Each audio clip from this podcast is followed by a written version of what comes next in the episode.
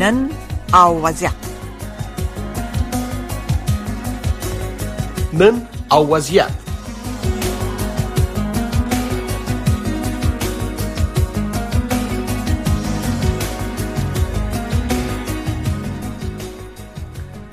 د امریکا غږ قدرمنو آشنا رادیو قدرمنو لیدونکو السلام علیکم هیله ده چې ټول روغ جوړ او خوشاله اوسئ بیا هم زه وحید فیضی د نن او وضعیت په خبرونه کې تاسو په خدمت کې قدرمن دوستانو په دې خبرونه کې زمونږ اصلي موضوع سیمه ته د افغانستان لپاره د امریکا ځنګړي استاذي ټام وست سفر د چې خغلی وست په دې ورستیو کې متحده عربي امارات او قطر او ترکیه ته سفر پیل کړی دی په دې موضوع بالا خپل قدرمان ملما عبدالهادي وزین صاحب سره خبرې وکړو په څو دغه کې خو له هغه نه مخکې په سمرقند کې د افغانستان په اړه د څلورمې غونډې چې پرون پنځشنبه تر سره شو زموږ د همکار اکرام شمار صاحب رپورت او روبیت تاسو سره ګرځو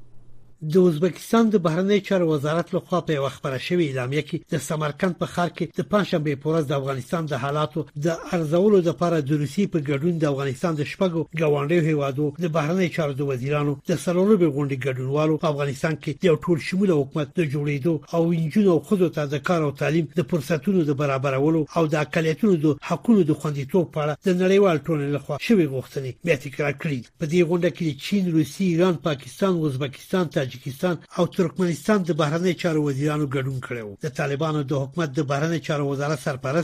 مولوي امیر خان متقي هم دې غونډې ته په وینا کې په افغانستان کې رامنځته شوو فرصتونو او د دغه هیواد له لارې د منځنۍ او جنوبي اسیا ترمنځ د اتصال په برخه کې د افغانستان په اهمیت خبرې وکړې ښاغلي متقي او ځل بیا ویل چې هیچا ته اجازه نه ورکوي چې د افغانستان خاوره د کوم بل هیواد په خلاف وکارول شي د طالبانو د بهرنی چارو وزارت لخوا په یو خبره شوې ویډیو کې د دې غونډې په پای کې خغلی متکی خبريالان ته ویلي چې غونډه خو او ټول ګډونوالو په افغانستان کې د ثبات په ټینګېدو باندې ټینګار کوي خغلی متکی ویل چې د غونډې ګډونوالو په سیاسي او اقتصادي برخو کې د طالبانو د حکومت سره په تعامل باندې هم ټینګار وکړ ټولو هیوادونو نظرونه مثبت وو او دیوالتیا یې وه چې په افغانستان کې ښکېلتیا ولري البته مثبته ښکېلتیا اقتصادي ښکېلتیا د سرمایه ګزارۍ کې د تجارت په برخه کې تاسو پوهیږئ چې افغانستان د مرکزي اسیا او د جنوبي اسیا په مابین د کل حیثیت لري د وصل حیثیت لري نو له دې اوسنیو حالاتو نه په استفاده چې په ټول افغانستان کې د مرکزي حکومت واکمني ده په ټول هیواد کې هیڅ نو مخالفت نشته نو د دې حالت په استفاده دغه ټولو برخو کې باید مثبت کارونه واخیستل شي خو د سیاسي چارو یو افغان کارپو احمد سیدي وایي چې د افغانستان د ګاونډیو هیوادو د بهرنیو چارو وزیرانو د دریو مخکنیو غونډو په څیر د سمرقند غونډې هم کومه د پام وړ پایله نه لرله نصیحت های پدرانه بود که حکومت همه شمول بسازید حقوق بشر را مراعات کنین و سرپرست وزارت خارجه طالبان هم نیز گفت که حکومت ما هم شمول است بنابراین نتایجی که باید ملموس باشه و دست آمده باشه این نشست به دست نیامد تنها یک اندکی بین آقای متقی و وزیر خارجه ایران تلخکاوی صورت گرفت به خاطر حکومت هم شمول فقط یک نشست بود ولی نتایجی که مشکل حل کرده باشه در بر نداشت حقوق د ښځو د حقونو یوې فعالې نسرین پرامرز امریکا غږ ته وویل چې دوی د دغسې غونډو پایلو ته خوشبینې نه دي او د نړیوال ټولنې څخه د څرګندو او عملي اقداماتو غوښتنه کوي. از این نشست ها ما چندان انتظار ایره نداریم یا برش خوشبین نیستیم که نتایج مثبت را در قسمت حفظ حقوق بشر یا حقوق زنا داشته باشد. د سمرقند غونډه په داسې حال کې جوړه شوې چې تازه د طالبانو حکومت د ملګرو ملتونو په دفترونو کې د افغان مېرمنو په کار باندې بندیز لګولی او په دې مسئله یې د ملګرو ملتونو د سخت غبرګون وروسته بیا د خپلې پرېکړې څخه دفاع کړې او دا بندیز یې د افغانستان داخلي مسئله ګڼلې ده ملګرو ملتونو ویلي چې د ښځو له موجودیت پرته به مرستو ته اړو خلکو ته د بشري مرستو رسول سخت شي او د طالبان دا ډول بندیزونه به په عمومي ډول بشري چارې زیانمنې کړي د سمرقند په غونډه کې هم د افغانانو سره د بشري مرستو د برابرولو لپاره یو عملی ګډ میکانیزم جوړول او د دغه هیواد د اقتصاد بیا رغول مهم ګڼل شوی د دې غونډې په څنډو کې ایران پاکستان روسیه او چین په یو څلور اړخیزې غونډې کې د افغانستان په مسله خبرې وکړې او ټینګار کړی چې د داعش القاعده د ختیځ ترکستان اسلامي غورځنګ تحریک طالبان پاکستان د بلوچستان ازادۍ ځواک جیش العدل او داسې نورې ترهګرې ډلې چې په افغانستان کې دي د سیمې او نړۍ امنیت ته جدي ګواښ هدف دی دغه هیوادونو د طالبانو غوښتي چې دغه ډلو په ضد کلکه مبارزه وکړي چې د هیوادونو خپل خاورې او امنیت ته خطر ګڼي د 2020 میلادي کال د اگست په میاشت کې واک ته طالبانو د رسیدو وروسته د افغانستان د حالاتو د ارزونې لپاره د روسي په ګډون د افغانستان د ګاونډي هیوادو د بهرنی چارو د وزیرانو درې د مخه غونډې په اسلام آباد بیجینګ او تهران کې جوړې شوې وي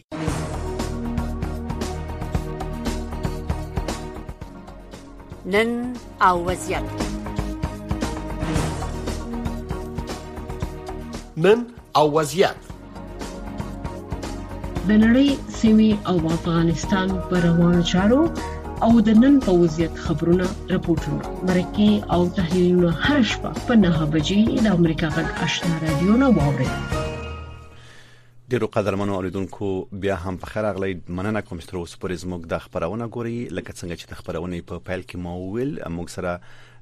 ډاکټر صاحب عبدالهادي وزین ملمه دی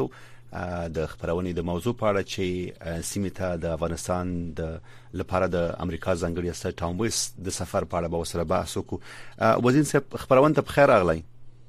مننه تاسو نه ده ډیره زیاته مننه کور ودان خاغلی وست دا سفر به څومره ارزښتناک وي څومره به اهمیت لري په تیر چې د افغانستان لپاره وي زه هم کوم چې د د هغه د روتیني او عادي سفرونو په بیر کې دا سفر ده چې متحده ایالات غواړي چې د افغانستان د حالاتو په اړه د اوضاع په اړه د مختلفو هیوادونو د چارواکو نه د سیمه ییزو حکومتونو نه د هغوی نظرونه واوري او د افغانستان تحولات ورځوي او دا یعنی یو عادي هغه د روتینی سفر د ما په اړه باندې تمویست شغله تمویست سیمه سفر که څه معلومات شته ویل شوی چې خغله وست به به یو شمېر کسانو سره وګوري او ترڅنګ د مدني ټولنې غړي پکې شامل دي سیاسي شخصیتونه او دراز نور کسان ستاسو تمه څه ده چې خغله وست په دې سفر کې په دغه هیوادونو کې چې افغانان اوس امشتره ل په تیر بیا د افغانستان د مخکنی جمهوریت نظام له سقوط څخه وروسته زیات شمیر کسان له افغانستان نه ووتل چې پکې سیاسي شخصیتونه هم شامل چې زیاتره په دغه هیوادونو کې میشتي په ځانګړي توګه په ترکیه متحده عربی اماراتو کې چا سره په ځانګړي توګه خغله وست وګوري او څه تمه ده اوسه پورې خو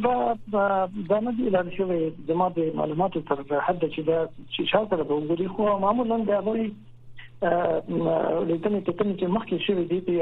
ځانګړي خاص افغانانو سره دي چې هغه په یعنی تقریبا یو هغه هغه په خونه چارواکي چې افغانستان په خونه حکومت کې چارواکي یا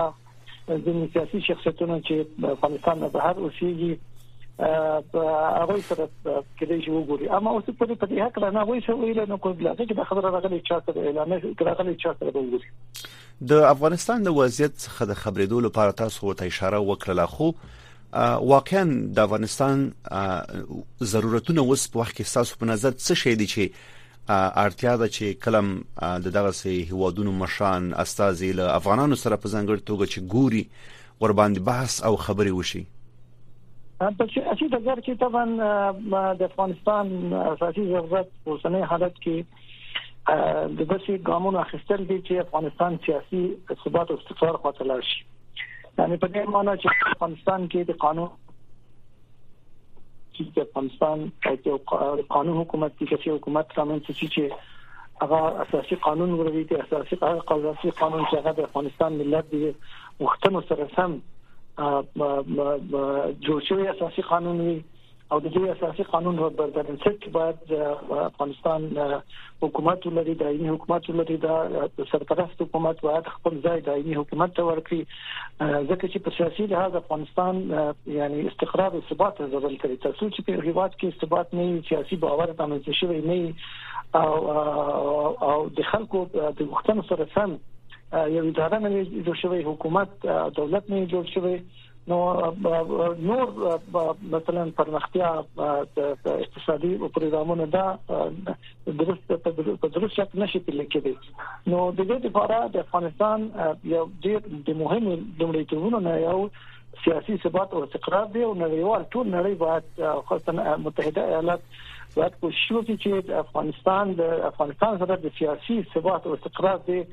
لاسته راوړلو لپاره باید مرسته وکړي یعنی باید د مثبت او رغنده ګامونه پورته شي چې په هغه کې د افغانستان د مختلفو سیاسي فعالینو ترمنځ د حکومت او د اوسنۍ حکومت او د مخالفینو ترمنځ د ټولنې مختلفو پرګنو ترمنځ یو سیاسي جوړجاړی او مفاهمت رامنځته شي اوس تاسو فکر کوئ چې نشته دا سیاسي جوړجاړی او مفاهمت په دې معنی نه ده چې الته یو د حکومت مشارکتي حکومت د تلافي حکومت رامنځته شي بلکې داسې بنسټونه باید ایښودل شي چې هغه پر بنسټ باندې افغانستان د قانون حکومت خواته لاړ شي قانوني قانون پر بنسټ ولاړ حکومت ولرو او بیا په افغانستان کې د جنگ او او د خشونت د بیا راتلو لپاره ځای نه وي باید پرې دا اولنې هغه ده په دې څنګه چې طبعا د بل ضرورت د افغانستان لومړیتوب دا ده چې افغانستان خلکو سره په دې بد اقتصادي حالت کې باید مرسته وشي بشري کومکونه د سیاسي ملحوظاتو نه لري او پرته باید دوام وکړي افغانستان خلکو سره افغانستان ملت سره تر څو چې په دغه یعنی حالت کې باید د افغانستان یعنی د خلکو سره چې کوم ضرورتونه دي دغه ضرورتونه باید پر شي نو دغه دا ضرورتونه دی اوس په اوسنۍ شرایط کې د افغانستانیان سیاسي ثبات استقلال سره د مرستې مرستې او بل د بشري کومکونو استمرار او ادامه بل او دریمه خبره چې هم هم مهم ده د متحده د امریکا د متحده ایالاتو په پالیسي په تناظر کې هغه دا ده چې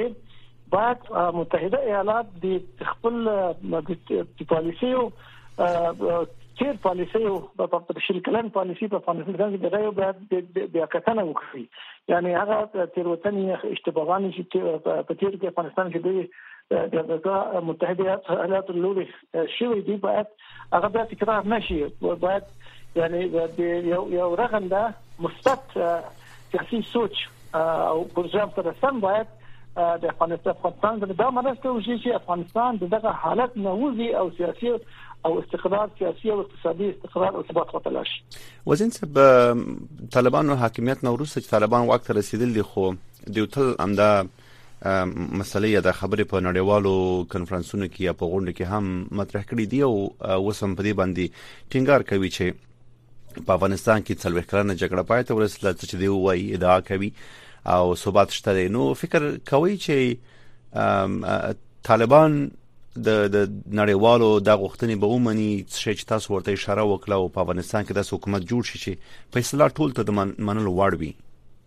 اصل خبره دا ده مثلا چې دا مخکې له دې نه چې د سیاسي ثبات او سیاسي استقرار او هغه د لپاره لازم ګامونه مخکې له دې چې دا د نړیوالو غوښتنې دا د افغانستان د خلکو د ولس او ملت غوښتنه ده او اسلامي امارت ته سرپرست حکومت دا په کار ده چې یعنې دې ته توجه وکړي چې دغه د غوښتنې چې دي کغه سیاسي ثبات د استقرار د قانون حکومت دی د دولت ارکان وشتون د افغانستان کې دغه مبهم سیاسي حالت نه وتل دي دا ټول د افغانستان مخکې د دې چې د نړیوال غوښتنې هغه د افغانستان د ملت غوښتنه ده اسلامي امارت د غوښتنو ته باید د افغانستان د ملت غوښتنو پر سترګو وګوري یعنی دا او په دې کې هیڅ عیب نشته چې ډېر غوښتنې او مشترکات دي چې افغانستان خلک هم غواړي نه یو نړیوال نړیواله ټولنه هم غواړي نو په دې کې هم اشکال نشته موږ ته دا پکار ده چې د خپل ملي منافع او مصلحتونو سره سم د داسې ګامونو پورته کول د تصمیمونو ونیسو چې هغه د افغانستان دغه سیاسي دغه سیاسي غیر متزلزل غیر مستقر حالت نه افغانستان ثبات خواته لاړ شي نو په دې کې یعنی دا اوس دا سوچ په کار ده چې دا په دې پلمه کې یو غوښتنه مثلا هغه د نړیوالو غوښتنه ده چې هغه د افغانستان د ملت غوښتنه هم ده نو د اسلامي امارت او طالبانو حرکت او د سترات حکومت دا په کار ده چې دا یعنی په دې مسایلو کې د د تعقل او تدبر او د واقع واقع نظری سره یعنی د واقعیتونو سره سم تعامل وکړي څه په دې پلمه چې هغه د نړیوالو غوښتنه ده هغه د غره ډول دا د ټول کار نه ده البته موږ دا به بعد وته وایم چې موږ په اوسنۍ عصر کې په کومه جزیره کې نه اوسېږو دا ټول د نړۍ تقریبا د کله شکل ځان ته خور کړی دی او ټول خلک په دې کې موږ انساني مشترکات لرو بین المللي مشترکات لرو موږ نور سره هیوادونو سره دنیا سره موږ چلن کوو یعنی موږ یوازې نه اوسېږو په دې په دې په دې نړۍ کې نو موږ دا پکار ته چې یو نوې سیاسي سوچ باید ترلاسه کو نوې سیاسي سوچ باید ولرو اسلامي امارات دا پکار ده چې بیا په کتنه کې په خپل پالیسیو کې یعنی زه ګومان کوم چې اوس افغانستان کې د سیاسي اصلاحات سیاسي اصلاحات لپاره بالکل یعنی شدید اړتیا ده او اسلامي امارات اسلامي سرپرست حکومت باید د سیاسي اصلاحات د رامنځته کولو لپاره باید اړین ګامونه واخلي او نړیوال او متحده امریکا امریکا متحده ایالات افغانستان سره په دې حق له باید مرسته وکړي چې څنګه موږ افغانستان کولای شي دغه انتقالي مرحله نه یعنی ثبات مرحله خواته لاړ شي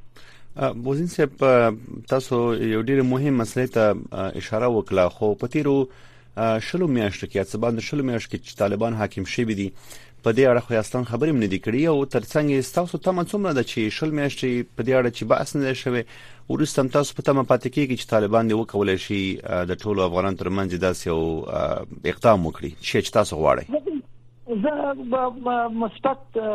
یعنی فکر کوم زه ګمان کوم چې په دې رسول میاشتې کې تر دې چې ډیر فرصتونه متاسفانه زمونږ الله تعالی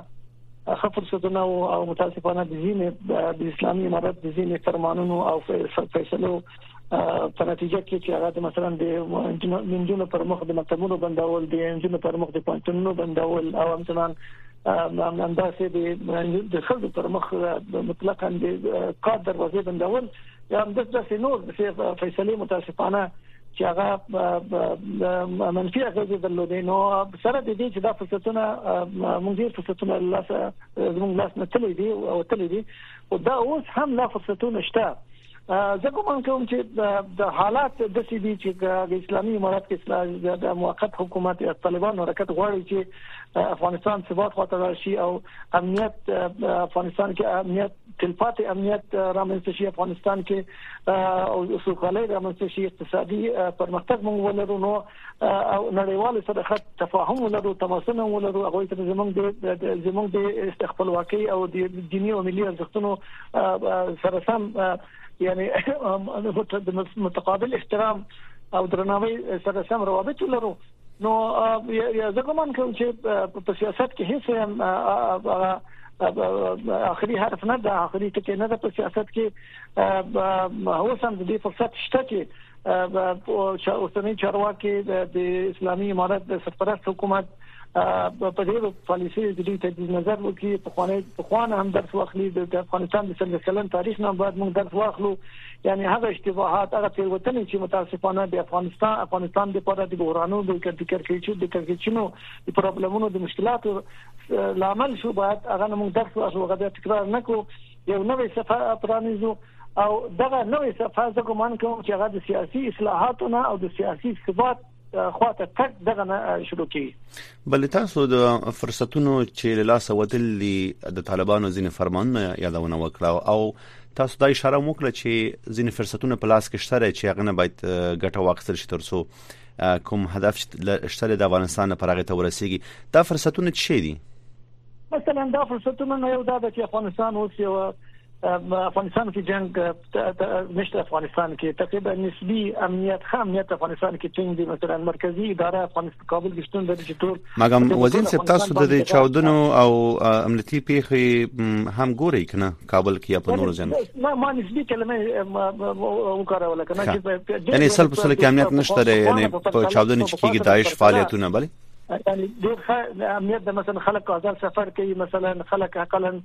لارې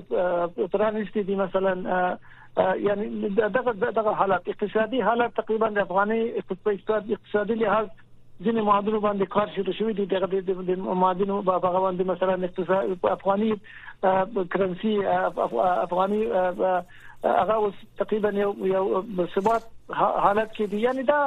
دا د صفات کچه کم شوی دی مثلا د مخدراتو کښت بالکل تقریبا ډیر کم شوی دی تقریبا صفر ته د نږدې دا مثلا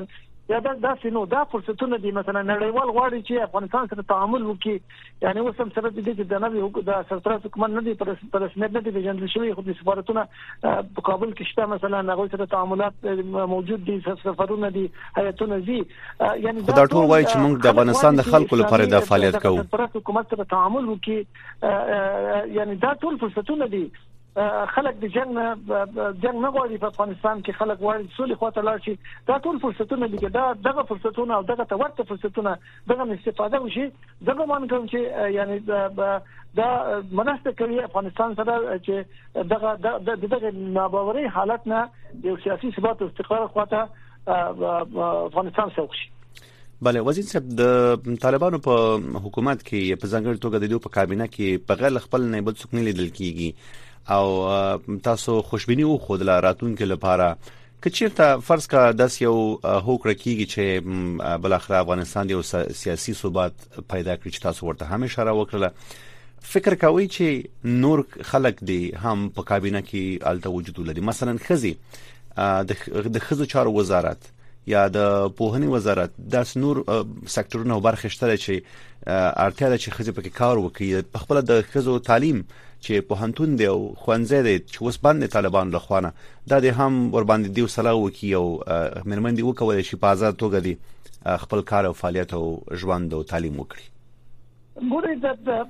د تعلیم حق د کار حق د سفر حق د ژوند حق دا هغه دا هغه انساني حقونه دي شرعي او اسلامي حقونه دي چې د افغانستان هر وګړي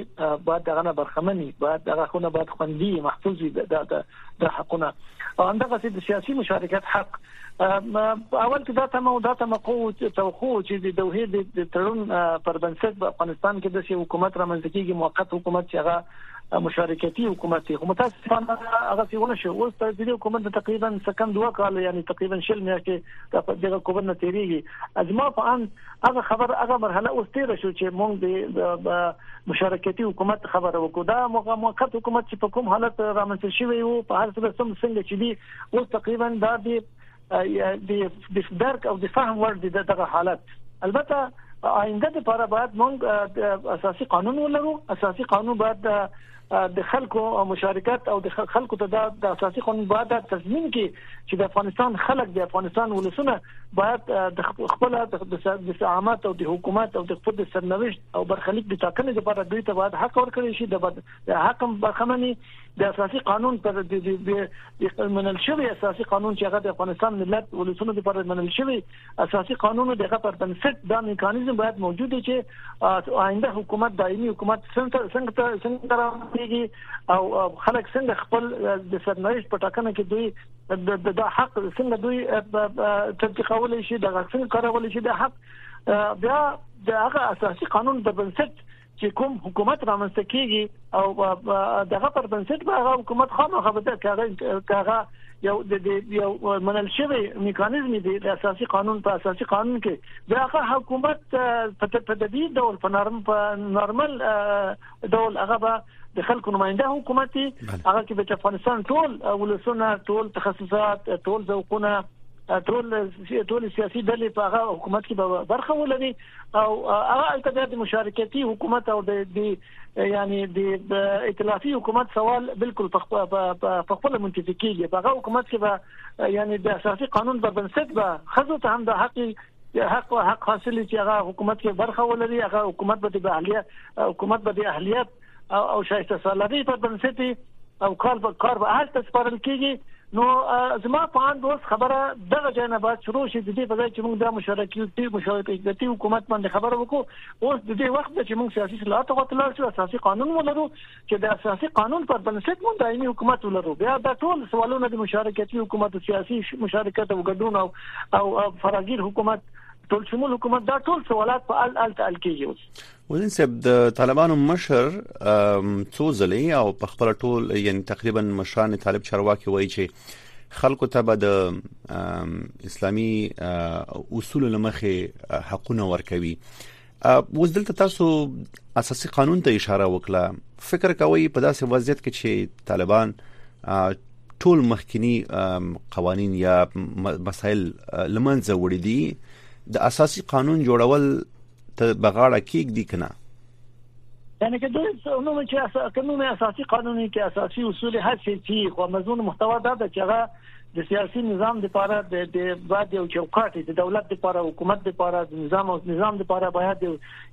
یو چوکاټ باید فراهم کې هغه اساسي قانون قانون هر شي او د دې نه پرته ممکن ان د حکومت کول او دولت جوړول حکومت ته ادامه ورکول دا ممکن نه دی دی دې ته اړ کېږي خامخا دې ته مجبورېږي چې دا کار وکړي که دا کار ونه کړي د دې دغه د دې سلطه او حکومت به نه پاتې کېږي او د افغانستان نور افغانستان د پر نور نور مشکلات رامنځته کیږي یعنی دا دا دا حالت په نور هم مونږ یعنی منفي